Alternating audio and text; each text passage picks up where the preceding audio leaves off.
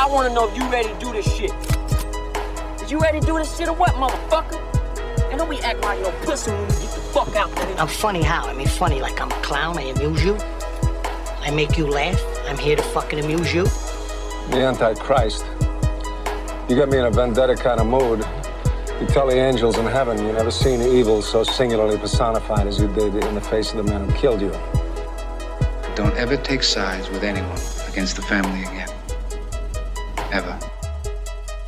Velkommen til Funny How. Mitt navn er Mara McFly. Jeg sitter her med DVD-Alex.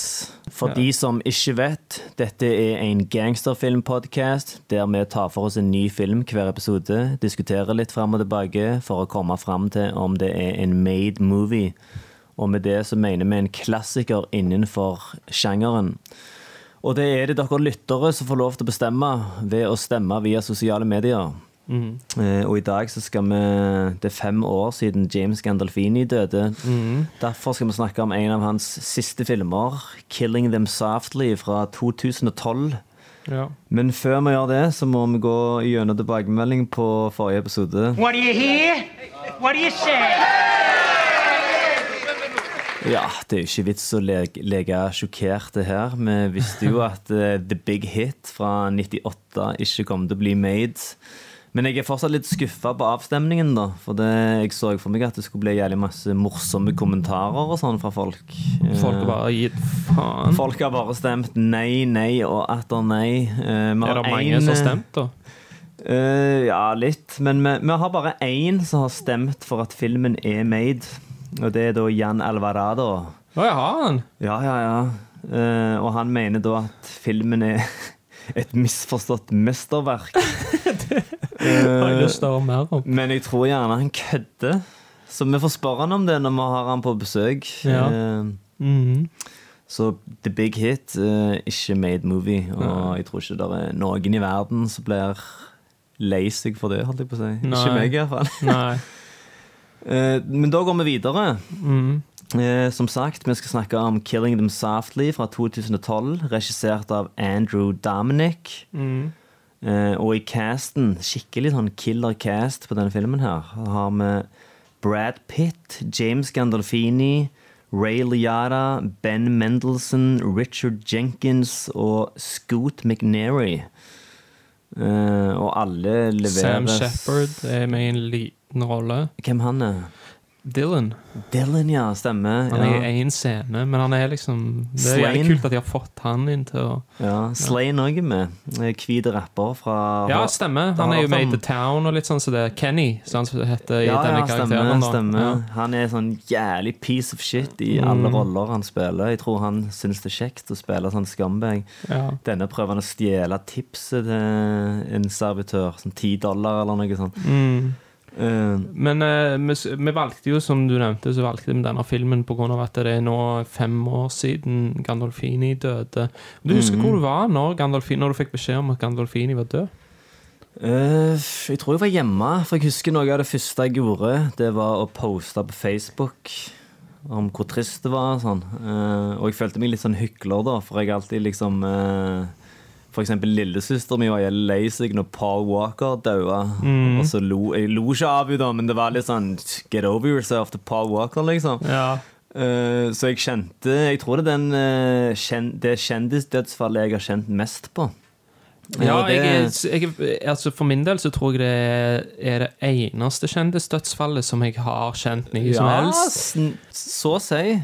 Eh, for, for jeg husker også jævlig godt uh, eh, når jeg fikk den beskjeden. Jeg bodde i eh, Sydney, og så satt jeg på en buss, og så fikk jeg en melding av ei dame og Ja.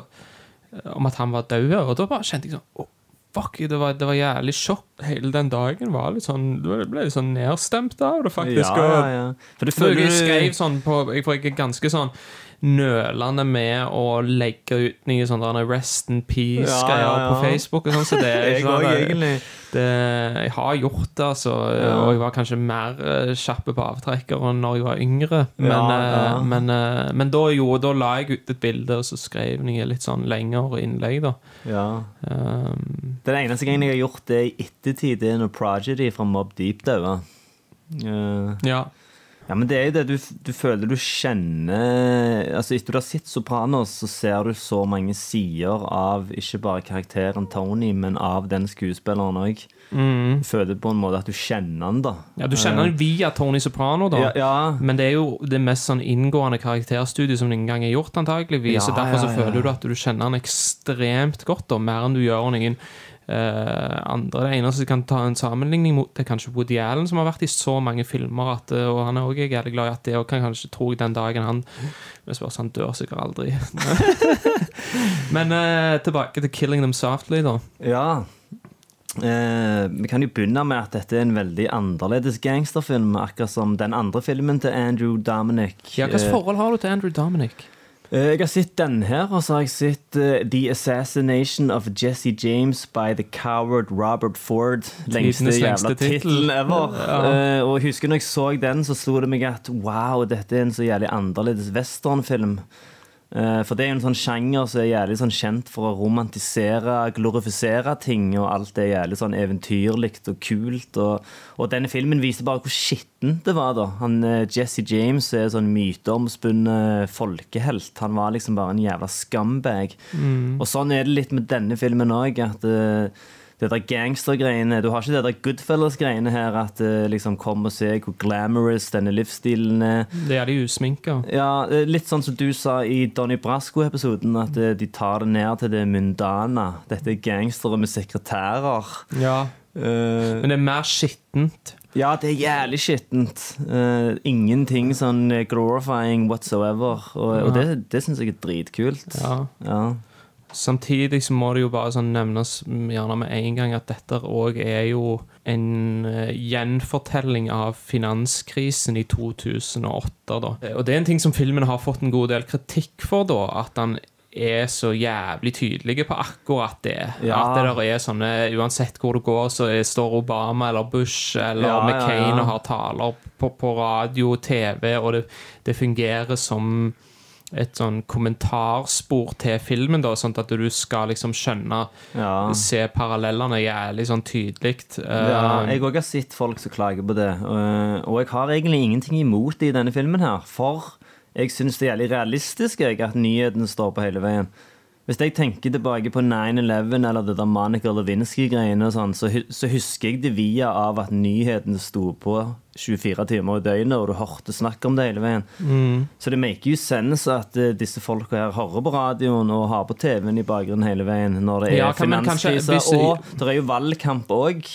Så det maker jo sense at de har det på i bakgrunnen. Jeg vet ikke. Det plager ikke meg, egentlig. Nei, jeg, ikke, jeg, ble ikke så, jeg ble ikke så jævlig mm, plaget av det, jeg heller. Ja. Eh, Det er én scene jeg lurer på om du blir plagt av. Det er når de, han skyter heroin, og så spiller soundtrack i en låt. Heroin av Velvet Underground. Ja, og da, da leste jeg på nettet Da var det Ja. noe sånn eh, Number one rule of screenplay Never show it Når det var snakk om sånn drug-scener Eh, Og jeg har aldri lagt merke til det selv For jeg kjenner jo ikke til den låta Men når jeg leste det da Så tenkte jeg jeg skulle spørre deg om eh, Ja, jeg er jævlig glad i Velvet Underground, faktisk. Og Ja. det er en av de tingene som jeg la merke til, at det er jævlig sånn derne obvious choice. Det er Ja. noen ting Det er det, Altså, musikk i denne filmen òg fungerer som et kommentarspor. Så han har, han, har, han har gått jævlig langt i akkurat det der, og han kunne sikkert holdt litt tilbake, føler jeg, altså. Ja, ja. samme med eh, når Brad Pitt entrer filmen, så spiller de Johnny Cash, There's a man going round Ja, collecting names. ja, Altså, det, blir, det blir litt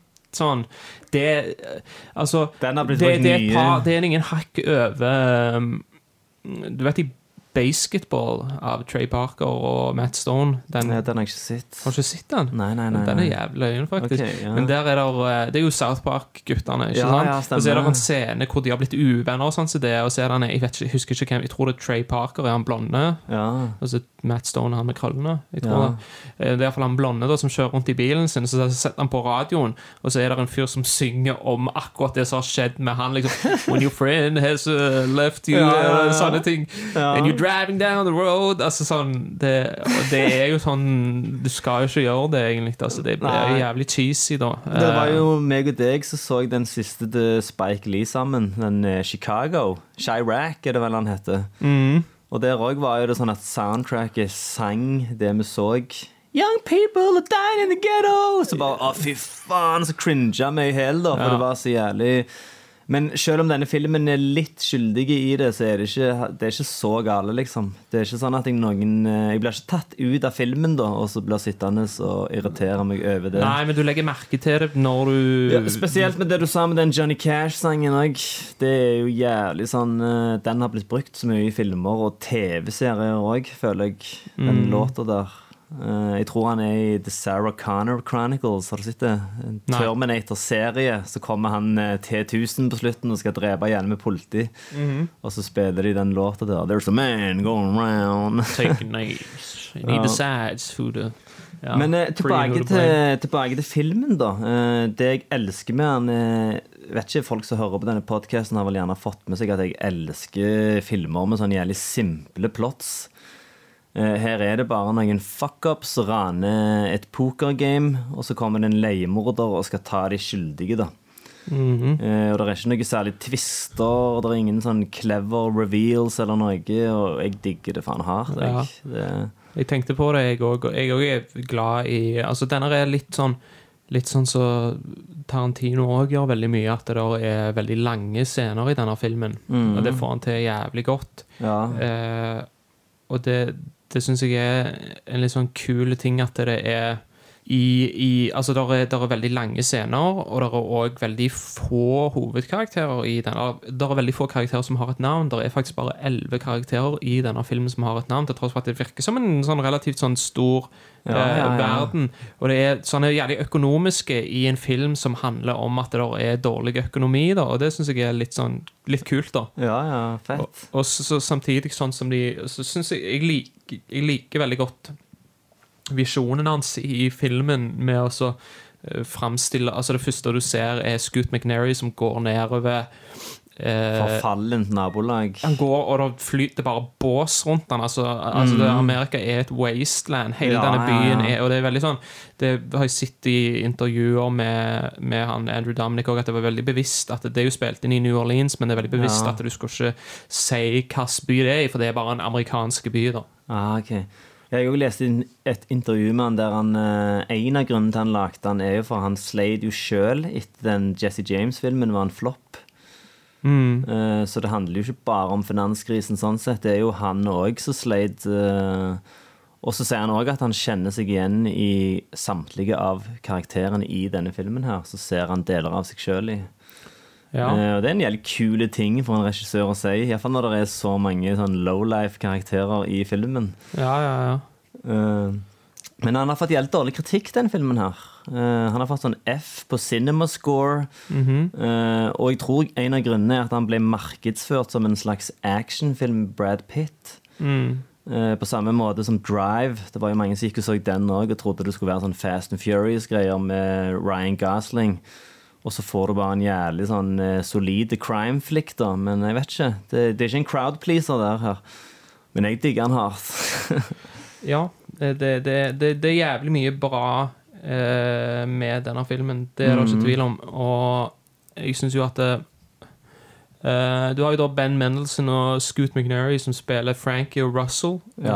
Uh, og de skal gjøre et uh, Heland oppdrag. Halland. Ja, De skal gjøre et oppdrag for Squirrel, som er spilt av altså, han som er Johnny Sack i Soprano. Ja, Det er tre Sopranos-karakterer som dukker opp i den. Du har Benny, Johnny Sack og Tony sjøl. Mm. Uh, du har òg eh, Ray Liada i denne, som også, har gjort en av de mest ikoniske gangsterkarakterene som det gang er. Han synes jeg er faen skamrå i denne filmen her. Han, Mm. Ja, han han spiller jævlig bra. spiller jævlig bra, og han i, i um, intervjuer som jeg så, for jeg så pressekonferansen til denne fra Cannes. Ja. Uh, og da snakker Andrew Dominic snakker ganske sånn fancy om det. Brad Pitt prøver å være litt sånn For det som er med Brad Pitt, er jo at han jævlig mange reportere så spør han liksom om at Tror du på denne, det som denne For denne filmen har jo et veldig klart budskap. Ja, ja, ja. Eh, Og, og han blir stilt litt til veggs på om han tror på det. Og det gjør han liksom ikke helt. Så han kommer seg ikke så jævlig godt ut av de pressekonferansene. Så har du Ray Liada, da, og så, og så snakker det som Andrew Dominic snakker om. Han sier at det,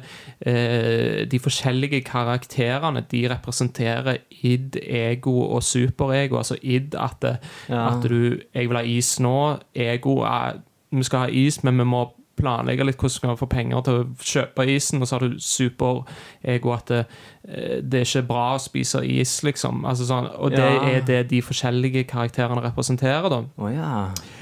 Og så skal Ray Liada, og så sier han Well, you know, that's great for him to know all that stuff, but you know, I don't really care about that. Og han det, var, det var bare jævlig sånn forfriskende å se Liada, ja. eh, hvor han har en helt annen tilnærming til det. Han sier ja, det, det er jo veldig bra at regissøren han kan bruke det, og sånn, så det, og det har mye å si for filmen, men jeg driter jo i det.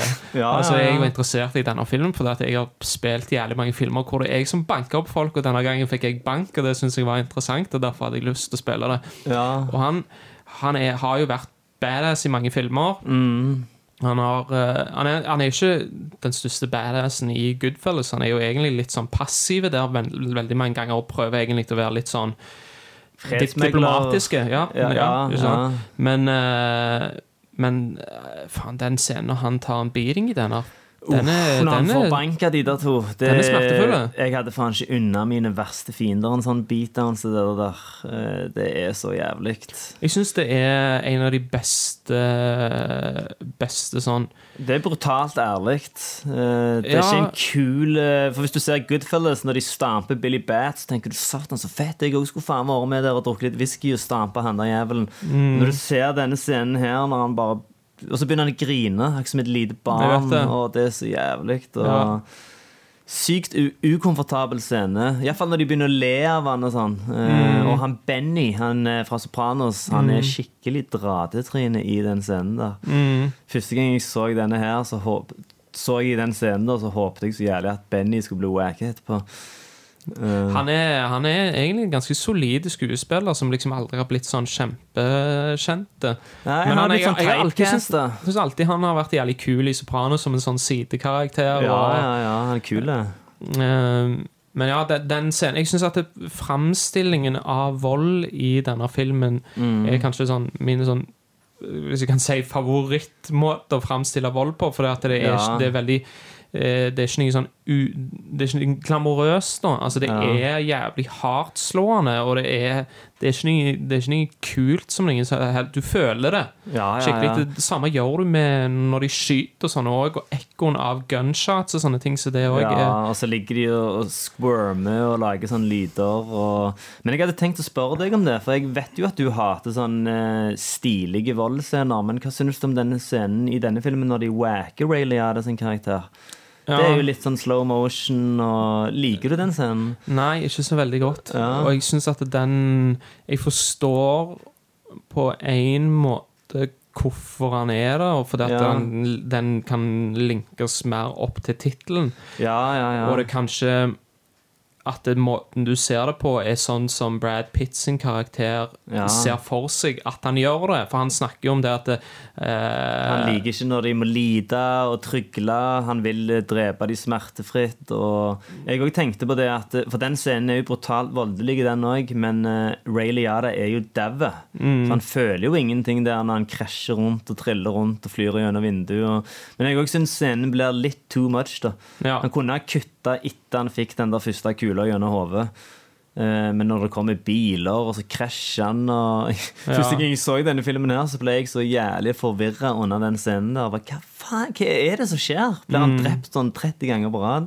Ja, jeg syns ikke Nei, den, jeg syns ikke den passer helt inn sånn stilmessig i, i forhold til hvordan vold blir framstilt i resten av filmen. Men kanskje det er Det òg var For det òg snakket Damnik om på denne pressekonferansen, at da sa han at det er liksom Brad Pitts karakters lullaby, altså hans godnattsang til Liada sin karakter. Ja. Um, At den Keddy Lester Love Letters-sangen er jævlig chill, da. Ja, sangen er kul. Det er jo mange bra Det er jo eh, Killer soundtrack. Det er et kult soundtrack, Ja, ja. eh, mye av det. Det er det. Mm. Men um, jeg, nei, jeg har mye mer sansen for sånn som det ble framstilt uh, andre ganger, altså. Ja. Det, Eh, nå har vi hoppet over det kuleste med hele filmen omtrent, og det er den ranscenen der eh, Frankie og Russell, er det det de heter? Scoot McNary og, og Ben Mendelsohn. Ja. Eh, det er jo faen Det er et av de kuleste heisscenene jeg har sett. For det er tilbake til Drive, som jeg snakket litt om i stad. Det minner meg om åpningsscenen i Drive, den getawayen der. At eh, det er så jævlig lite som skjer, men pga. at det er så skremmende realistisk, så blir det sånn nervepirrende som faen. Eh, og første gang du ser denne filmen her, når de går inn der med de jævla Europris-engangshanskene sine og den der gamle rifla, så tenker du dette kommer til å gå til helvete. Det kommer til å bli en massakre, men så gjør det ikke det. Altså, De er to fucking amateurs, som Walter ville sagt, men de klarer seg jævlig bra, egentlig, på det ranet der, syns Ja. jeg. ja. Ja.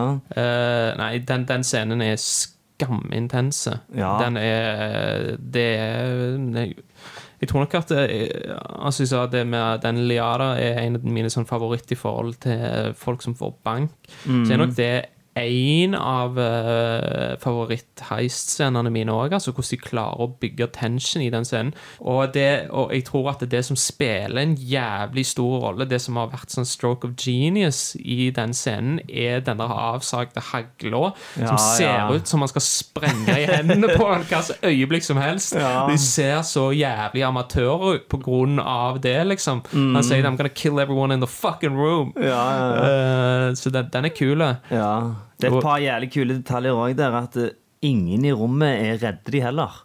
Mm, det det liksom gjør det jo enda mer intenst. Ja, det er sånn stone cold killers, og du ser bare på måten de ser på dem, at eh, de er liksom dødsdømte fra øyeblikket de kom inn der. Og det samme med Ray Liada, som spiller jævlig bra i den scenen der. For når han kommer ut av dassen, og så ser han de, så ser du bare i øynene hans med en gang at oi, shit, jeg har rant mitt eget pokerspill før.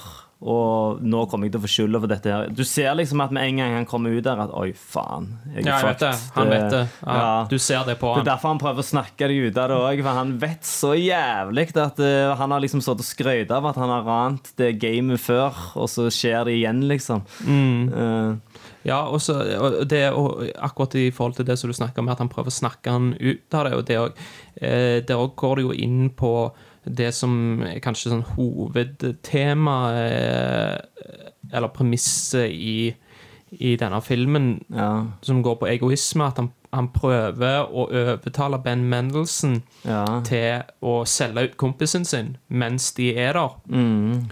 Senere så eh, klarer jo eh, Brad Brad, Pitt. Pitt. å overtale Scoot eh, sin karakter til å Ja. selge ut eh, Squirrel. Mm. Eh, og det er verdt å merke seg at han ene er australiener, og han selger han ikke ut, mens amerikaneren gjør det. da ja, ja Og det var faktisk på den, det, denne pressekonferansen som jeg så, da, så var det en australiensk reporter som spurte Andrew Dominic er det tilfeldig at uh, australieneren uh, er den eneste som overlever denne storyen. Og så bare smilte han liksom lurt, og så bare sa han liksom Nei, nei, det er ikke det, liksom. ja, ja, Det, det er liksom kule detaljer. funny, funny touch, da. Mm. Nei, men så er det en jævlig bra plan de har òg, han Squirrel. om å rane det spillet, og så vet de at, at Tratman kommer til å få skylda for det. og Egentlig en jævlig genial plan, men det så eneste som faen ødelegger det, er at folk ikke klarer å holde kjeft. Mm. Og det det er nok det samme som det, Jeg tenkte på akkurat det at det er nok det samme som har skjedd under finanskrisen òg. Ja, At uh, jeg kjenner ikke detaljene i den godt nok der, egentlig. Men, Ja. men, det, men en ser jo at et kortspill, gambling, ble jo sammenligna med det finanssystemet, Wall Street, bankene. ja. Og, og at det, det som skjedde, blir sammenligna med et ran. da Mm. Men Vi har jo vært inne på Brad Pitt allerede, Ja. da, men hva syns du om han som karakter?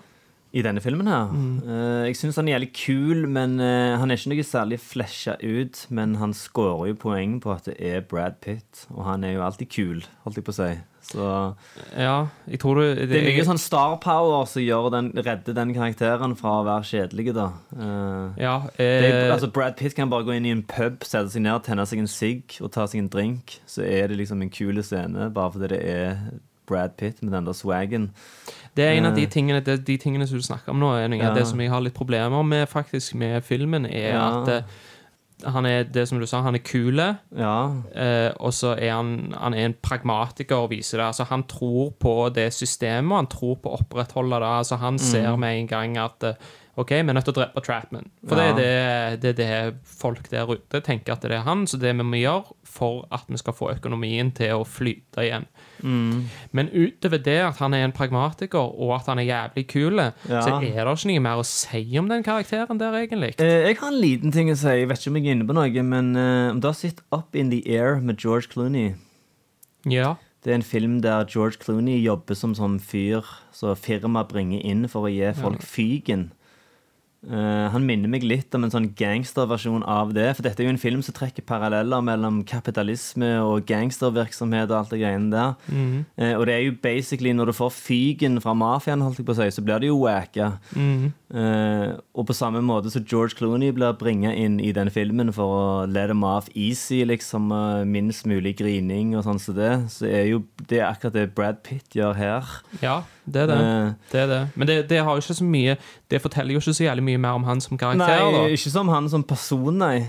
Men, det er, men det, han blir en veldig endimensjonal karakter, syns jeg, da. Ja. Og det er Hvis jeg har noe utsetter på denne filmen, så er det litt det når det kommer inn på karakterer. For det det, det, er ikke det er ikke det at alle er endimensjonale. Mm. Det er en del av de. altså sånn så Jeg elsker jo Ben Mendelsen. Ja, eh, som skuespiller ja, ja. ja, digger jeg han, og han spiller jævlig bra i denne. her, Men Mm. han òg blir en Han er en scummy junkie, og egentlig så er det ikke så veldig mye mer å si om han i Han er en skitten jævel. Uh. Og det som er så løye altså det, er- ikke noe dybde til karakteren, da, men det, det jeg syns er morsomt, det er etter de har ran det der kortspillet, så ser du han Scoot sin karakter, Frankie. Han har fresha seg jævlig opp. Kommer der med skinnjakke og voks i håret. Og, Akkurat som han har brukt de pengene på å freshe seg jævlig opp, da, mens han der Russell, uh, han har bare blitt enda mer skitten. Ja. Så det, men ja, det er jo som du sier, det er jo ingenting dybde i han. Men uh, han er jo såpass low life junkie òg, da, at er det noe dybde i han, holdt jeg på å si? Ja, At, det eh, syns jeg at det absolutt kunne vært. Ja. Jeg, ja, selvfølgelig ville det vært det. Og det, det er jo òg en greie her med at det er jo ingen sånn der, der er ingen relasjoner som virker veldig viktige i denne. Og det er greit nok, for jeg tror at filmen i eh, Coren av filmen handler om egoisme. Det handler om at i USA så sitter alle på sin egen tue. Det er en cutthroat-kultur hvor det er ikke noe community. Og Ja. Derfor så er det ikke noe community, det er ikke noe samhold i denne filmen heller. Alle er eh, Det er bare enkeltindividet som betyr noe, ja. Så, så den ser jeg. Men du kunne likevel gått inn på de enkeltvis og flasha de mer ut. Ja. Men, men, eh, men sånn som Scoot McNary sin karakter er det mer dimensjoner på. ja han, eh, han har lojalitet mot The Squirrel. Han eh, bader jævlig på å angi han. Han gjør det, men han det selger han sier, ut, da. det- det Han er- selger han ut, han går Han tar seg sjøl, han setter seg sjøl først, han òg, da. Ja, ja, til slutt, ja. Og så har han ikke lyst til å være med på det òg, da. Han vil helst han vil helst liksom bare gi informasjonen og så stikke Ja, til ja, ja. vekk, men det får han ikke. Han, må bli, han konfronteres med det skikkelig, og han er nødt til å være der. Ja, ja, ja. ja. Men han har jo eh, Han er jo en jævlig flink skuespiller. ja Eh, jævlig kul stemme, og så er han jævlig flink til å spille sånne nevrotiske typer. mm, Eh, mm. Men uh, Liara syns jeg spiller jævlig bra, og det er òg mer, er mer dimensjoner, men han blir kanskje todimensjonal mer enn tredimensjonal. Altså, han, er, det, han er ikke helt flasha ut. Og hvis, hvis en hadde gått mer i dybden på han som karakter, ja. så, så tror jeg at det, den scenen Altså, se for deg den scenen, den voldsscenen mot han når han blir banka opp, Ja. mot en karakter som du virkelig brydde deg om. Åh, det hadde vært fucked up. Ja, det hadde, det hadde Ja. gjort mye mer vondt. Det gjør jævlig vondt, men i og med at en ikke er sånn 100% investert her i de, så, så Det kunne blitt enda bedre, da. Ja. Og kanskje den karakteren som det hadde gjort mest vondt hvis det skjedde med, er kanskje James Gandolfini sin karakter. For han, Ja. tror jeg, han føler jeg er den som er mest flasha ut av de. Han har kun to scener i denne filmen, men han er den som til slutt du blir best kjent med, da. Ja. Men han har en mye mer Men det er litt takknemlig for hans del òg, for det at han har faktisk i dialogen så snakker han nesten bare backstory. Mm. Men, men, det, men det, det, er ikke sånn, det er ikke sånn at det er backstory som fungerer som exposition. Eh, for det har ingenting med plott å gjøre, sånn sett, da. Ja, ja, ja. Det er bare sånn eh, Han knulte kona mi, og sånne tilfeldige ting han sutrer om. Ja, da. altså, Han, han, du, du ser bare Og, og jeg, jeg digger introen på, eh, på Gandolfini Ja. i denne som er de, de bruker sånne crossfades Ja. eh, mellom alle klippene. Og han er, går ned igjen der og er jævlig døsig. Hvis du ser måten han går på, så bare slentrer han bort igjen. Og det er en fyr som bare er jævlig trøtt av ja. livet, da. Ja. Og, og han eh, sitter og forteller om at eh, kona vil skille seg og har funnet en ny type. Han, eh, han eh, kommer mest sannsynlig til å havne i fengsel. Mm. Eh, eneste han gjør, er å drikke og knulle horer, liksom. Det, Ja. Så det Det syns jeg er faen så funny òg. At de bringer inn en hitman halvveis ut i filmen, og så tror du gjerne at det skal være en sånn badass, og så er det, som du sier, bare en sånn feit jævel som kommer og konsumerer og konsumerer og klager og konsumerer og bare bitcher. Og så føler jeg det er jævlig bevisst valg å bruke James Gandolfini i den rollen òg. For det er jo noe av det Tony Soprano er mest kjent for, er jo den der jævla sutringa. Ja, Eh, og, ja, og altså, en av de tingene som er mest Det er jo det at han, Tony Soprano, eh, lider av depresjon, da. Mm. Og det samme er det der, så det er en sånn Det er en veldig sånn direkte link. Men jeg føler han her er litt verre enn Tony igjen. Eh, Dette er Tony hvis liksom Tony Carmella hadde gått fra han, ungene Ja. ville ikke ha noe med han å gjøre. Ja, mer, ja, ja. Den- Tony på en jævlig dårlig dag. Han var ikke boss lenger i så fall. Og Ja. liksom mange ting Altså, det er mange ting, men det er en sånn eh, parallelt univers, da. Ja, for de sier jo det, hvis du vil se hvordan en person egentlig er, så se hvordan han behandler folk som ikke kan gjøre noe for han.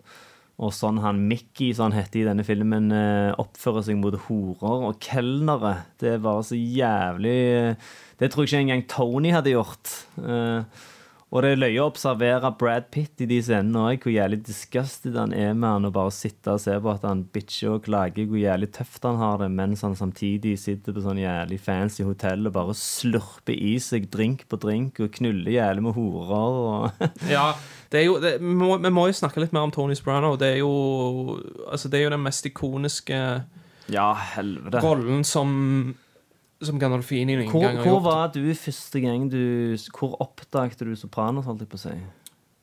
Det var i uh, Årstallet var 2000 og tror det var 2005 eller noe sånt. som det. Altså Det bare kommet ut fem sesonger av Sopranos før jeg begynte å se Ja, Sopranos. samme her. Ja. Jeg hadde fem sesonger å binge, så Ja. var det plutselig helt umenneskelig jævlig å måtte vente. Ja, for da var det, da var det en stund til sesong seks kom. Da, Ja, når, eh, samme her. Ja. Jeg husker jeg satt hos eh, en kompis av meg som heter Tony. eh, Så hadde han sånn chippa Xbox, sånn at du bare kan legge inn jævlig med filmer og serier på Xboxen.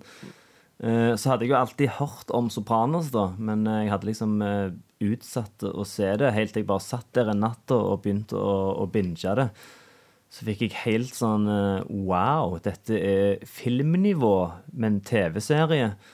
Eh, Og du hadde jo ikke sett det før. Nei. Det er jo, altså Du har jo As, som på en måte var litt sånn bana veien for Sopranos igjen. Så de prøvde ut hva får vi lov til å gjøre i TV-serier. og men det er jo Sopranos som er den ultimate serien som forandrer TV-gamet for alltid. Det er jo Tony Soprano bana veien for alle de vi ser i dag. Walter White og Don Draper. Og, uh, og du hadde aldri sett så brutalt ærlig TV før.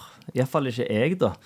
Eh. Jeg husker de Melfi-scenene og sånn òg. Jeg tror det var det som sugde meg så jævlig inn i serien. da Bare hvor jævlig brutalt ærlige de scenene der er. Ja, de Ja. scene- Melfi-scenene er jo jævlig bra, for at du det, De scenene gjør jo at du blir mye bedre kjent med han. Ja. Eh, og igjen så føles det liksom ikke som exposition, for det er så mye subtekst der Mm. allikevel, da, men de gir en helt annen mening òg til alt som skjer på utsida. Ja. Og det er jævlig løye hvordan han Det er litt sånn som The Dude i The Big Lebowski alltid gjentar shit som han har hørt folk si, ikke sant? Ja, ja, ja, ja. Eh, og det samme gjør jo Tony han gjentar jo jævlig ofte de tingene som han har Ja, Ja. de tingene uh, han uh, hører der inne. Og, og hele den greia han, Hun får han jo til å lese i bok om sånn elder care, og det er jo det som er hele grunnen til at han lar Junior bli boss, da. Ja. Og la, han, eller, la Junior få tro at han styrer ting. Ja, ja, ja. Eh, mens egentlig så vet han jo at det, ting forandrer seg jo ikke. Det er jo han som kommer til å styre det, da. Ja, det, den, som sagt, eh, første gang jeg så Sopranos, så jeg bare ble, ble helt blown away med en gang, da. Eh, og det er jo så mye av James Gandolfini sin performance. Eh, jeg vet jo at de flørta med ideen av å ha andre enn han. Men var det ikke, var ikke det snakk om å ha Ray Liotta på et eller annet Jo, tidspunkt òg, ja, og så han Lorraine Bracco skulle være uh, kona. Ja. Ja, og så var det òg snakk om uh, han som spiller Jack i April, i han bossen som dauer. Mhm. Han var det snakk om skulle være Tony. Klarer ikke å se for meg. Uh, ja, Da er det jo en altså. komiserie. eh, For David Chase visste ikke helt sjøl hva Sopranos skulle være. Han ville jo egentlig lage serie om mora, som Livia er basert på. Tenker han, Hvem faen som kommer til å gidde å se på det, liksom? Eh, Så klarte han å flette det om til en Mab-serie. da. Han fikk egentlig ideen sånn rundt på 80-tallet. Og, og da skulle det være en film som slutta med at Tony drepte mora med ei pute. Ja, det er jo det han er på vei til å gjøre i sesong ja, én. ja. Men eh, og når de spilte den første episode der, så er det en scene der Tony skal plukke opp Christopher. For Christopher sier han har lyst til å begynne med film. Eh, så Fortelle Tony livshistorien sin. ja, så plukker Tony han opp og begynner å filleriste han. Der i manuset der så sto det egentlig bare at han skulle gi han en sånn lett liten bitch-slap. Eh, Så det når han bare plukker han opp og klikker, da, det er jo Gandolfini som bare gjør alt det sånn Improviserer det, da. Og det var jo da Chase skjønte at eh, å, helvete, jeg, jeg har i sånn big shit her, liksom. Dette er seriøst. Men hva er det, hva er det som liksom Hva er det som gjør at en Jeg har tenkt liksom på det. Hva er det som gjør at en digger han så hardt? Hva er det som gjør at- Tony Mm.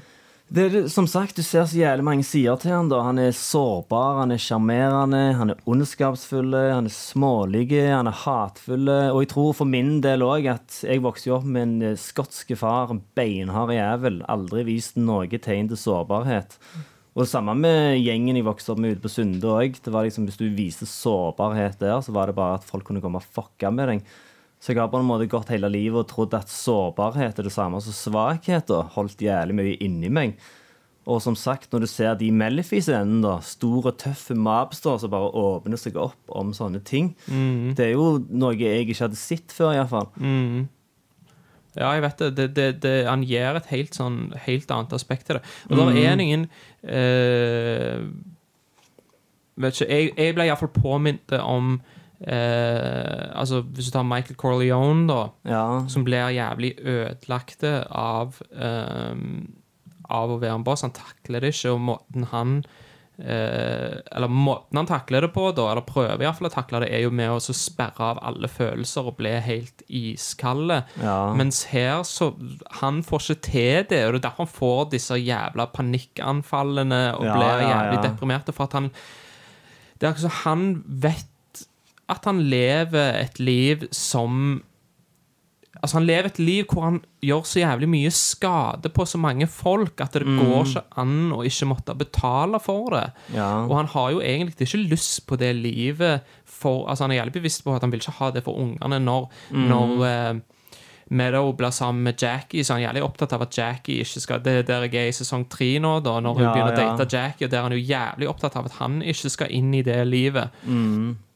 Så han, så han vet liksom hva han holder på med, på en måte. da Og samtidig så er det òg det der familieaspektet. At det er ganske mange mundane, vanlige ting. Og mye av de problemene som han har, altså problemer med foreldre og Alle har sånne alle issues. har de tingene, og det Ja. gjør, jeg tror at det gjør at vi identifiserer oss ekstremt sterkt med han, samtidig som det er noe helt annet med han. Ja, Men han ja, ja. har en sånn, samtidig så har han den der jævlige poweren. Ikke sant? At Uansett hvilket rom han går inn i, så eier han det rommet når han går inn. Ja. Og han har en vanvittig sjarm. En sånn magnetisme. Altså, det er en sånn du ser, du ser jævlig Eller iallfall jeg ser jævlig opp til han, da. Altså det, det, ja. det gjør jeg, altså. Det, det er ikke noe annet å si om det, altså. Men jeg føler også du kan se på Sopranos, og så kan du se på deg sjøl hvordan du har vokst som person Men så ser du òg. For jeg, jeg merka jeg var mye mer enig med Tony når jeg så Sopranos før, for 10-15 år siden, eller hvor faen lang tid det har gått. Mens jeg ser det nå, så er jeg en mye bedre plass enn det jeg var når Sopranos kom ut. Så jeg kan på en måte se det litt mer fra utsida òg, da, og se hvordan han er sitt eget største problem, og hvordan uh, alle de der issues han sliter med, og, og se det fra utsida, da, hvordan han skader seg sjøl. Mens før var det gjerne sånn at jeg var mer enig med han og så de scenene og liksom følte mer med han, da. Mens nå er det mer sånn Jeg må si at jeg føler ganske sterkt med han ennå, jeg, altså, når jeg ser det. Ja, Ja, for at han ja, En av de tingene tror jeg er at han har ei så jævlig mor. ja, Altså, han har, han har liksom ikke Han har ikke fått noen som helst kjærlighet av mora. Og hvis du ser Han er Altså, han er jo en piece of shit på jævlig mange ting. Det Ja, er han jo. ja, Eh, Men det er jo noe av det som er litt fascinerende òg. Men, men de andre som er der, er så jævlig mye større pieces of shit at, jeg, at, jeg, at jeg heier på han hele tida. Se for deg hvis altså Se hvor jævlig Janice er. Livia. Altså, tenk deg hvis, hvis uh, Tenk hvis Janice Hvis han var sånn som Janice, da hadde du faen ikke likt han i det hele tatt. Nei, nei, nei, helvete. Eh, en av favorittscenene mine i Sopranos er når Janice går på sånn uh, anger management-kurs og lærer seg å håndtere sinnet sitt. Eh, og så observerer han dette under en middag, at hun har blitt jævlig sånn mellow og tar det helt chill og blir ikke plaget av telefonselgere. Og så klarer han faen ikke dy seg, da. Han begynner å trekke i henne mer og mer til hun faen bare Ja, ja, ja. eksploderer av sinne. Hvordan, hvordan, hvordan sier du at du vokste opp uten mor? Ja. Jeg vokste opp uten mor, Hvordan sier du det på fransk? Og så springer hun faen etter han og prøver å stabbe han med en gaffel, og så går han. Og så er han, han har aldri vært mer fornøyd enn Det er en av de går. feteste the, uh, The Kings I'm Not Like Everybody Else spiller når han går ut. satan, jeg elsker den scenen der. Og da tenker jeg òg at på mange måter så er jeg gjerne like små, smålig som Tony sjøl. Sånn bedre nag over sånne ting. For det er jo egentlig en helt jævlig ting å gjøre. Ja, og så er det òg det at han uh liksom Til tross for at han gjør jævlig mye gale, så er han òg Han er en fyr som har et jævlig stort hjerte, føler jeg. Altså, Ja. han, er, han gjør liksom Altså, De tingene som er helt sånn standardgreier, og han nevner det sjøl når han snakker om liksom italienerne når de kommer inn her. Han skal, han skal justify hvorfor Ja. han lever det livet han gjør. Han liksom, We're soldiers. I'm soldier. We're soldiers. Soldiers don't go to hell. Ja, ikke sant? Eh, og, og da begynner han å trekke paralleller til de første italienerne som kom inn, og sånn som det, og da sier Melfi hva faen har hva, Eller ikke hva faen, men de sier hva har de med deg å gjøre? Ja. Og det er jo et poeng, da. Men han snakker om de standardtingene som er jævlig viktig for italienere, og kanskje spesielt med mafia. altså Uh, honor, loyalty og family. Og de tingene der er virkelig verdier som man har, da. Ja, ja, ja. Han sier jo jævlig mange ganger at alt han gjør, det er for familien. Og det er liksom, ah, Bob Bob, jeg tror han, han liker det han holder på med òg. Den makten og det som kommer med det. Men, Ja, ja, men han er jævlig Det er det som er fett òg, for det er jævlig komplisert. For han har jo Gomas på sida hele tida, så han påfører jo jævlig mye skade til Carmella. Men samtidig Ja. så er det mye fint. Sånn som den ene episoden jeg så i nå, så eh, så er det når Camilla går til sånn, Hun går til en jødisk psykolog, Ja. og han sier at hun bør gå fra han da, ikke sant? For at du er en uh, enabler. Ja, ja, blood money og alt det Ja, der. alt det ja. der. Ja. Og så er neste scene, da, da vil hun ha de der Hun vil ha 50 000 dollar for ja. å gi til skolen til meg, da. Mm. Og så gir han de, da, og så er det en sånn jævlig fin scene mellom de, og så sier han det ser ut som du ikke At du ikke skal lage middag i dag, la oss gå på en restaurant. Så ser du bare at det er så jævlig mye mer Det er så jævlig mye mer komplisert enn sånn som han psykologen framstiller det. da, Du skjønner jævlig godt hvorfor hun ikke går. Ja, han, ja, har ja. En, han har en sånn sjarm, han har en kjærlighet som er, Mm. er spesiell. Ja. Så er han glad i dyr. Hvordan Ja. kan du ikke sympatisere med en mann som er glad i dyr? Ja, det er jævlig løye når For det tenker jeg Når får vite at eh, Chris har drept bikkja. Ja, ja, ja. Klikker det helt for?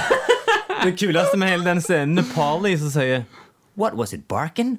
Akkurat som det er helt naturlig å drepe bikkja di hvis han bjeffer. Ja, ja. For han dreper jo en gammel dame, han, som begynner å skrike Polly. Eh, altså, En ting jeg digger med Sopranos òg, er hvor jævlig imot David Chase er å forklare noe som helst. Og da mener jeg ikke bare slutten, for det òg nekter han jo å forklare, men òg hele serien. at... eh, for det er jo mange som tror at Sopranos handler om at du kan ikke forandre den du er. Tony prøver jo hele veien, men i slutten av serien så er han rett tilbake der han starta. Han sitter i aller siste episode og bitcher om mora. Mm. men så sier David Chase tar seg nær av det, da. Til sier, han nye psykologen han går til, mener du? Ja, ja, ja. Egentlig er det AJ sin psykolog, Ja. men så begynner Tony å hijacke hele sessionen da, og får det til å handle om seg sjøl. Mm. men så sier David Chase det da, at eh, selvfølgelig tror han at folk kan forandre seg, men, eh, men det er sjeldent, og det krever jævlig mye arbeid. Og det er så å si det eneste han har forklart. Men en annen ting han har sagt òg, er at han er jævlig disgusted av fanser som mot slutten heider på at Tony skal, skulle dø. De samme folka som hadde heit på han i alle år, ville at han skulle bli wacka. Og, og den quoten har jeg alltid blitt litt sånn forvirra for jeg ville faen Jeg ville ikke se Tony bli drept. Ville du? Nei, nei. Jeg heiter på han eh, Når det er sagt, så syns jeg at den slutten på uh, Sopranos Jeg kunne ikke sett for meg en bedre slutt, faktisk. Nei, jeg syns jeg- at den slutten er helt genial, for at det, det, det, det, det føles som Du blir drept. Ja, det Ja. føles som de siste øyeblikkene i hans liv. Og uansett om det er det eller det ikke er det, så Ja. for oss er det det. For Ja. vi kommer aldri til å se han igjen. Men likte du han første gang du så han? Jeg tror jeg, Sikkert første gang jeg så han, så Jeg klarer ikke helt å huske det, men jeg tror nok at jeg mest sannsynlig bare ble jævlig forvirra. Vet du hva jeg tenkte når den skjermen ble svart? Ja. Eh, Jeg hørte bare stemmen til Livia i hodet. It's all a big, Big nothing. nothing. Ja. Ja. Så tenkte jeg faen, jeg har lest tida mi i alle år og likt denne serien så godt, og så bare var det ingenting. Mm. Jeg har jo lært meg å elske slutten i, i ettertid, da. Eh.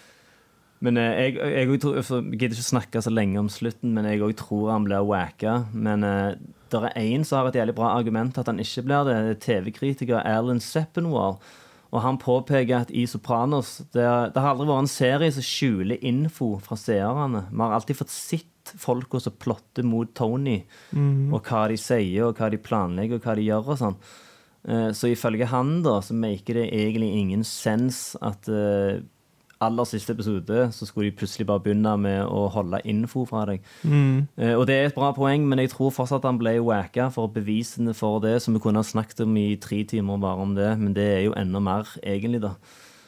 Eh, Ja, men jeg tror at jeg sitter mer igjen eh, Altså, jeg òg har vært der at jeg tror det, men samtidig så Det er ikke så jævlig viktig i seg sjøl, for det er det. mer den følelsen som sitter med i den scenen, Mm. at, det, at det, det er slutten hans. Nå Ja. er det, det, det, vil ikke være mer for han etter dette. Mm. Uh, og, og det som jeg har fått inntrykk av med måten Chase snakker på, så er det ikke sånn at det er definitivt at han blir drept, eller at han lever. Han vil jo ikke si det, Mm. men, men uh, at det var mer den følelsen Ja. han var opptatt Eller han snakker vel om et større filosofisk spørsmål, da, men eh, ja.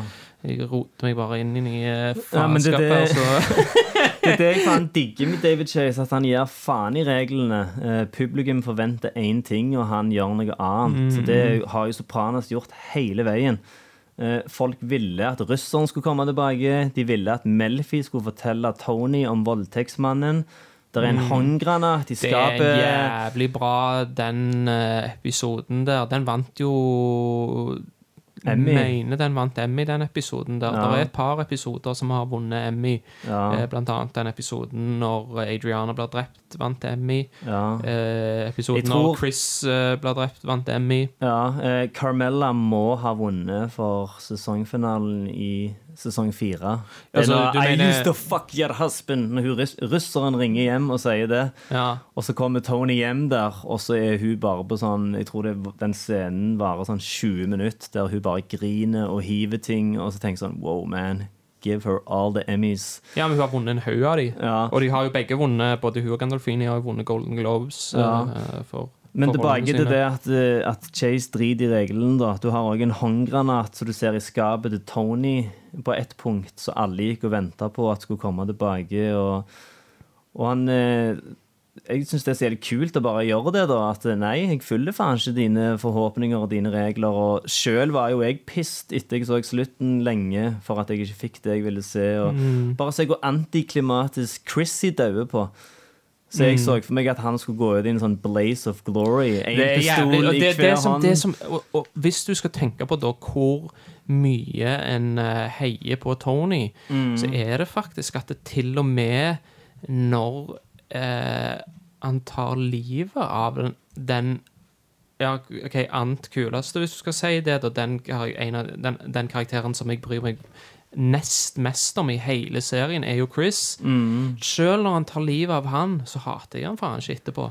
Det, Jeg hater han i den episoden, men eh, så kommer neste episode, og Også, men det er så jævlig funny at han prøver å rettferdiggjøre det med at når han sitter i begravelsen, så snakker han om dette barnesettet så det Ja, liksom så ja. helt crushed. Og liksom sånn, han prøver å rettferdiggjøre. Det er jævlig funny òg. Ja. Hvis du ser, så ser Sill fatter at han har tatt livet av han når han får beskjeden. Gjør han det? ja. Hvis du ser på ansiktsuttrykket til Silvio når, han, eh, når Tony ligger i senga Det er vanskelig og å tolke det det endimensjonale trynet. Nei, nei, men bare, bare Ja, han er jo ganske endimensjonal, men, men han er, han er kul på sin måte, han òg, selv om han er jo sykt cartoony. Ja, han Eh, òg han òg vurderte de til å spille Tony, men det falt jo ut ganske kjapt. Ja, det er bra. Det hadde jo Det vært bra. Men, han er, men han er kul som den eh, Sånn som han sånn, brukt, sånn han ja. er, så, så, Ja. så, så er Sill er jo fete, Men liksom. apropos det å lese fjeset til Sill eh, Når meg og kompisen min så eh, siste episode av Sopranos første gang, og den skjermen ble svart, og bare hva faen er dette for noe piss, så ble vi enige om at vi skulle se episoden en gang til og følge nøye med, for vi følte liksom at Parley var opp til noe i den episoden. Så skulle vi lese Parley, da. og så er jo han òg egentlig ganske sånn eh, karikatur. Ja, men han er noe annet enn sild. Ja, det er mye dybde der, ja. men samtidig det, går, det er ikke lett å lese trynet hans. På, for vi trodde at det var noe skjult info der om at det Carlo plutselig var snitch. Og det er jævlig mye sånn monkey business i siste episode som Ja. ikke skurrer helt. ja. Men uh, det er jo litt sånn som Tony sjøl i jeg tror det er sesong to, når han skal føle ut en fyr for å se om han er snitch. Så sier han det. Ja, ja, far min var jævlig flink til å lese folk. Nå skal jeg faen henge med han fyren her og finne ut av det. Mm. Og så henger han med han, og så er det bare helt sånn random encounter, og så kommer han tilbake I didn't learn shit. What the fuck am I, a doctor? Ja. Så har han ikke lært en dritt, da. Så Ja. vi følte oss litt sånn, vi òg, da, når vi skulle se siste episode om igjen for å virkelig finne ut hva som hadde skjedd. Så er det sånn OK, faen. Vi, Like langt. ja. Men uh, unrelated, hva tror du skjedde med russeren? I Pine Barrens. Ja. Uh, nei, jeg vet ikke. Jeg er helt ærlig. Det er ikke det er noe som jeg har gått rundt og Ja. fundert selv. Jeg vet at mange har gjort det, men jeg, jeg Du vet at eh, der. Terrence Winter, som skrev den episoden, han skrev òg litt for Boardwalk og sånn. Terence Winter er jo creator av Boardwalk. Ja, oh, ja, ok, Ja. ja. Eh, han klarte å overtale David Chase til at i siste episode av Sopranos så skulle de gå innom Valerie. Er det det han russiske mabasen heter? Ja. Nei, han er- Slava. Slava. Slava, ja. Så skulle de gå innom der og levere noen penger, og så sto russeren der og moppa gulvet som en sånn hjerneskada fyr. Og så skulle de si at det var noen boyscouts, som fant han ute i skogen. Eh, men David Chase ombestemte seg i siste liten, da. For han har alltid vært jævlig imot å forklare hva som skjedde med russeren. Ja. Eh, men det hadde vært litt løye, da. Mm, mm. Men det er jo sånn, sånn som David Chase sier hele veien, du får jo ikke closure på alt som skjer med deg i Nei, jeg har hørt han snakke om det, at det er jo ikke Ja. sånn livet er. At du Ja. får ikke closure. Sånne ting så det skjer hele tida. Det liksom det han Mm. Det har skjer vært hele veien av. at du skyter en russer ut i skogen, og så forsvinner han bare. Ja, ikke akkurat det, men eh, Ja, det kan relatere det til andre ting. Men, Ja. men det samme gjelder det eh, Det at eh, At Tony ikke kommer så jævlig langt. Ja. Eh, selv om man går i terapi og sånn. Det òg er en ting som er jævlig ekte. Det er sånn det blir Ja. i livet. At det, de issuesene du har, Mm. samme her, er at det, det er jo i stor grad mora som har fucket han opp. Ja. Det tror jeg er jævlig sant. Det er foreldrene våre som fucker oss opp. Ja, ja, Og at de tingene som de har fucket oss opp med, de må vi bare Fuck it, vi må leve med det resten av livet. Kommer- altså, du kan, jobbe, fuck- du kan jobbe ble- litt med ting, men du kommer faen Men så kan du ikke holde dem imot de heller, for de ble jo fucked opp av sine foreldre. Ja, det er bare han... generation after generation. Det er jo, eh, han, eh, forfatteren William Burroughs mente jo at eh, han som har skrevet 'Naken lunsj', han mente at eh, unger burde bli tatt fra foreldrene sine med en gang og plassert på barnehjem fordi at de, for at de ikke ble fucket opp. Ja, men, Vet ikke eh, om det hadde vært så mye bedre, egentlig, men Eh, Nei, gjerne ikke, men eh, Tony har jo en jævlig Når han spiser sopp, eller faen peyote, eller hva faen det Ja. er for noe, Psykadelia-greier. etter at Chris er død Ja, og da kommer jo han fram til Du får ikke se det i den episoden, men han sier det til Melfi et par episoder etterpå, at uh, mødre er som busser, men folk sitter ennå på bussen etter de har kommet fram til destinasjonen sin. Mm. Uh, det er jo en jævlig bra sammenligning, egentlig, da. For det, folk er jævlig sånn codependent ut livet av andre folk. Og, og det er det som er så kjipt med å se Tony òg. Spesielt med det du nevnte tidligere, at eh, på grunn av det italienske tradisjoner og sånn, så skal du ta vare på familie og alt det der. Men det beste for han hadde jo vært avskrevet der jævla burugla bare med en gang. Og, ikke med en gang, da, men, Ja, men du forstår det jævlig godt, og samtidig så er Ja. det òg verdier som eh, som jeg som seer, og som folk generelt altså, Ja. Folk flest er Og det er kanskje derfor han kommer seg litt unna med de bad tingene han gjør òg, er fordi at han gjør det rette i forhold til venner. Han gjør det rette i forhold til familie Eller iallfall i en stor Altså, om han, han er jo Han har jo Han er jo utro, alle disse tingene der, så han påfører Ja. skade, men Men eh, han gjør til, iallfall til en grad det beste, da. Og de, den lojaliteten som han har overfor de, både venner og familie, er jo Mm. ikke til å rokke med, da, føler jeg. Altså Sånn som når han får vite Eller når han eh, McCasey sier at eh, Big Pussy er eh, er en informant, så sier han Ja. I'm sorry, I know you like him. Like him. I fucking love him. Ja, og ja, du ser, det, det er real shit, det. da At den ene scenen òg, når Polly kommer tilbake, og så tror Tony at han har drept Pussy. Eh, og så går det fra sorg Ja, ja, til sinne til relief. Eh, bare Gandolfini showcaser alle mulige menneskelige følelser bare på én scene. Det er helt sinnssykt. Ja, hva faen er det han sier? You answer me like I'm Jesus Christ himself. Mm. Men eh, ja, der er Altså, litt det, altså det som du snakket om med codependency Ja. Her er det, I Sopranos er det jævlig mange relasjoner Altså, relasjoner er det som er jævlig viktig i denne. Det er, ingen av de, det er ingen av de som innser at uh, lykke kommer innenifra. Alle er avhengige av uh, 'mor mi elsker meg ikke', Chrissy har den der 'Tony elsker meg ikke'. Alle går hele veien og skylder det på eksterne ting, da. Men Mm. eh, så er det jo òg det, de er jo mobsters. Altså, hva mulighet har de for å forandre seg og komme seg ut av det livet? Jeg føler Tony prøver, etter han blir skutt, så prøver han jævlig å bli et bedre menneske. Men eh, sånn som når han f.eks. har sympati for det der Vito-greiene, eh, da ser jo hans egne folk på det som en svakhet. At han sympatiserer med Vito. Og jeg tror gjerne at det er en av grunnene til at Tony blir wacka. Det er sine egne folk. Liksom, og han er ikke sterk nok lenger til å gjøre de rette beslutningene. Og, Så han prøver jo så godt han kan etter han har blitt skutt der med det der 'every day is a gift'.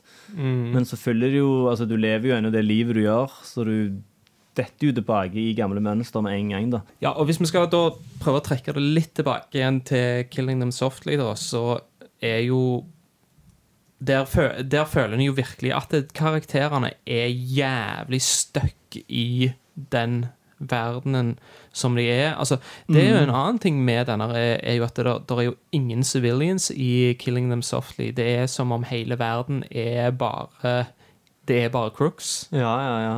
Eh, og det òg er nok antageligvis litt sånn Dette skal jo være en kommentar på hvordan systemet funker der nede. Altså, men Ja. jeg, jeg har jævlig sansen for den der brutale uh, framstillinga og visjonen i forhold til den verdenen som det er. Mm. Og, og når det kommer til sluttscenen på, på denne filmen her, så legger han jo på en måte ned to streker under svaret hva denne filmen her egentlig handler om, da. Ja, ja, ja.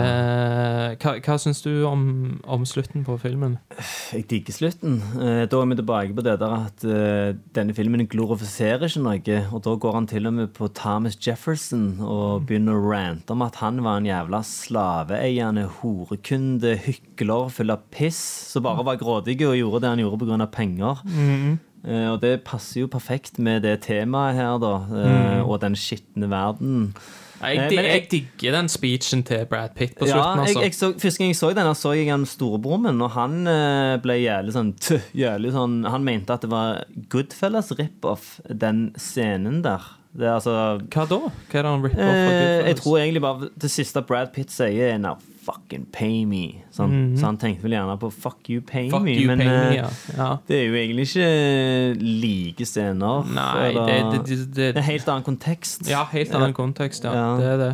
Uh, men jeg digger det der greiene når han ser Obama på TV. Sånn, This guy wants to tell me we're living in a community. Ja, Don't ja. make me fucking laugh. Ja. Uh, America's a business.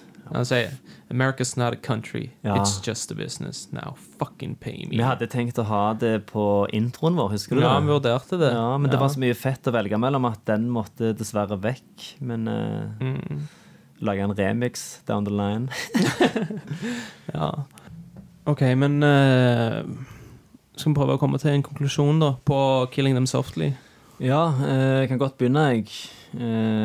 Jeg syns det er en solid jævla crime-film. Simpel plott. Sterke skuespillerprestasjoner. Killer cast, killer soundtrack. Eh, jeg tror jeg har sett den tre-fire ganger, og jeg tror jeg liker den bedre for hver gang, egentlig. Mm. men eh, altså Jeg syns han er made, men han er jo ikke oppe der på Vet ikke om han er på topp ti gangsterfilmer, liksom. Men mm. jeg, jeg stemmer made. Ja. Ja. Ja. Ehm, jeg syns at det, jeg, jeg digger stilen i filmen. Uh, jeg syns at uh, casten er, er jo dritkule. Mm. Uh, jeg syns at det er et fett budskap i filmen. Jeg syns at det er måten uh, Brad Pitt legger det fram på så jævlig tydelig på slutten, Mm. er Jeg har ikke hørt det ble sagt akkurat på den måten ingen andre plasser, så jeg gir han jævlig cred for det. ja, ja, ja. Uh, når det kommer til karakterene i filmen, så er De er kule, men jeg syns at de er Jeg syns det mangler en del der, da, på karakterene, for, eh, for å fleshe de skikkelig ut. Eh, som Altså, Det er jo ingen scener i denne filmen her som vi har snakket om. altså Ranscenen, Leoda som blir banket opp, og disse tingene her som er dritbra. ja. Eh, men hvis jeg hadde vært mer investert i de som karakterer, så hadde det vært så jævlig mye mer hardtslående. At det, det som jeg sitter igjen med, er vel at denne Jeg syns filmen er dritkule. Jeg, Ja. jeg, jeg digger den, men, men med tanke på at det, det skal være en klassiker for å være made, Mm. så føler jeg at jeg er på jeg er on the fence, og derfor så kan jeg ikke stemme made på den, faktisk. Mm, Eh, så- Uavgjort. Ja. Satan. Spenningen er til å ta og føle på. Fader, ikke hver dag. Nå har ikke vi, liksom uh, sittet her og krangla heller, da, men, uh, Nei, nei, nei, men, men det- allikevel, altså. Jeg, jeg tenkt litt på akkurat det, Ja. og jeg føler at jeg må være eh, mer sikker i min sak for å, for å stemme det, altså. Mm. Fett som faen. Eh, da, er vi, da er det publikum som skal stemme. Eh, jeg blir spent på å se. Eh, hva, som- hva vi skal snakke om neste gang? Ja, neste gang så skal vi ha med oss en gjest. Ja. Da skal vi ha med oss en av dine gamle rapp... eh, kolleger. kolleger. Ja, Jan Alvarado. ja, ja. ja. Eh, og vi skal snakke om Training Day. Eh, men da skal, vi, da skal vi ha gjest. Det blir gøy. Mm. Eh, men eh, i dag skal vi avslutte med Du har kommet ut med en ny sang. ja. Egotrip. Jeg slapp en ny låt på forrige fredag som heter Egotrip. Eh, og den skal du få høre nå. Eh, og gå inn på Spotify og høre den på repeat etterpå. Tror jeg tjener sånn eh, 0,004 cent per stream. Put that shit on repeat! Konge, men da snakkes vi neste gang. Hvorfor stresser du sånn? Lev litt heller, hvorfor tenker du sånn? Prøv å gi folk en hjelpende sånn når de river deg i hjermen og drar deg til bånns. No more Mr. Nice Guy. Prøv å fylle meg med skam. Nice try. Jeg er ingen sin dørmatte. Jeg er en stammer fucker. Ord til min pappa. Var på vei til å luke vekk livet. Henta meg inn og fant fokus i tide. Stiger min egen behovspyramide. Vil nå toppe og finne roen i min syke. Ut av veien før jeg meier deg ned. Har ikke svaret på dine problem. Kanskje la dine issues veie meg ned. Så du får vel bare mene det du mener om meg. Syder om hvor fæl og urettferdig jeg er, men dine krokodilletårer er ikke Oscar-verdige. Fremstiller meg som et monster, ofte. Bare sånn at jeg kan legge offer, ofte. Nå ser jeg du sipper, trist i blikket mens du sitter og guilt-tripper. Jeg er ikke ansvarlig for min lykke, hvis faen du kan banne på at egotrippe. Uh, jeg har ikke tid til deg og dine, bare meg og min.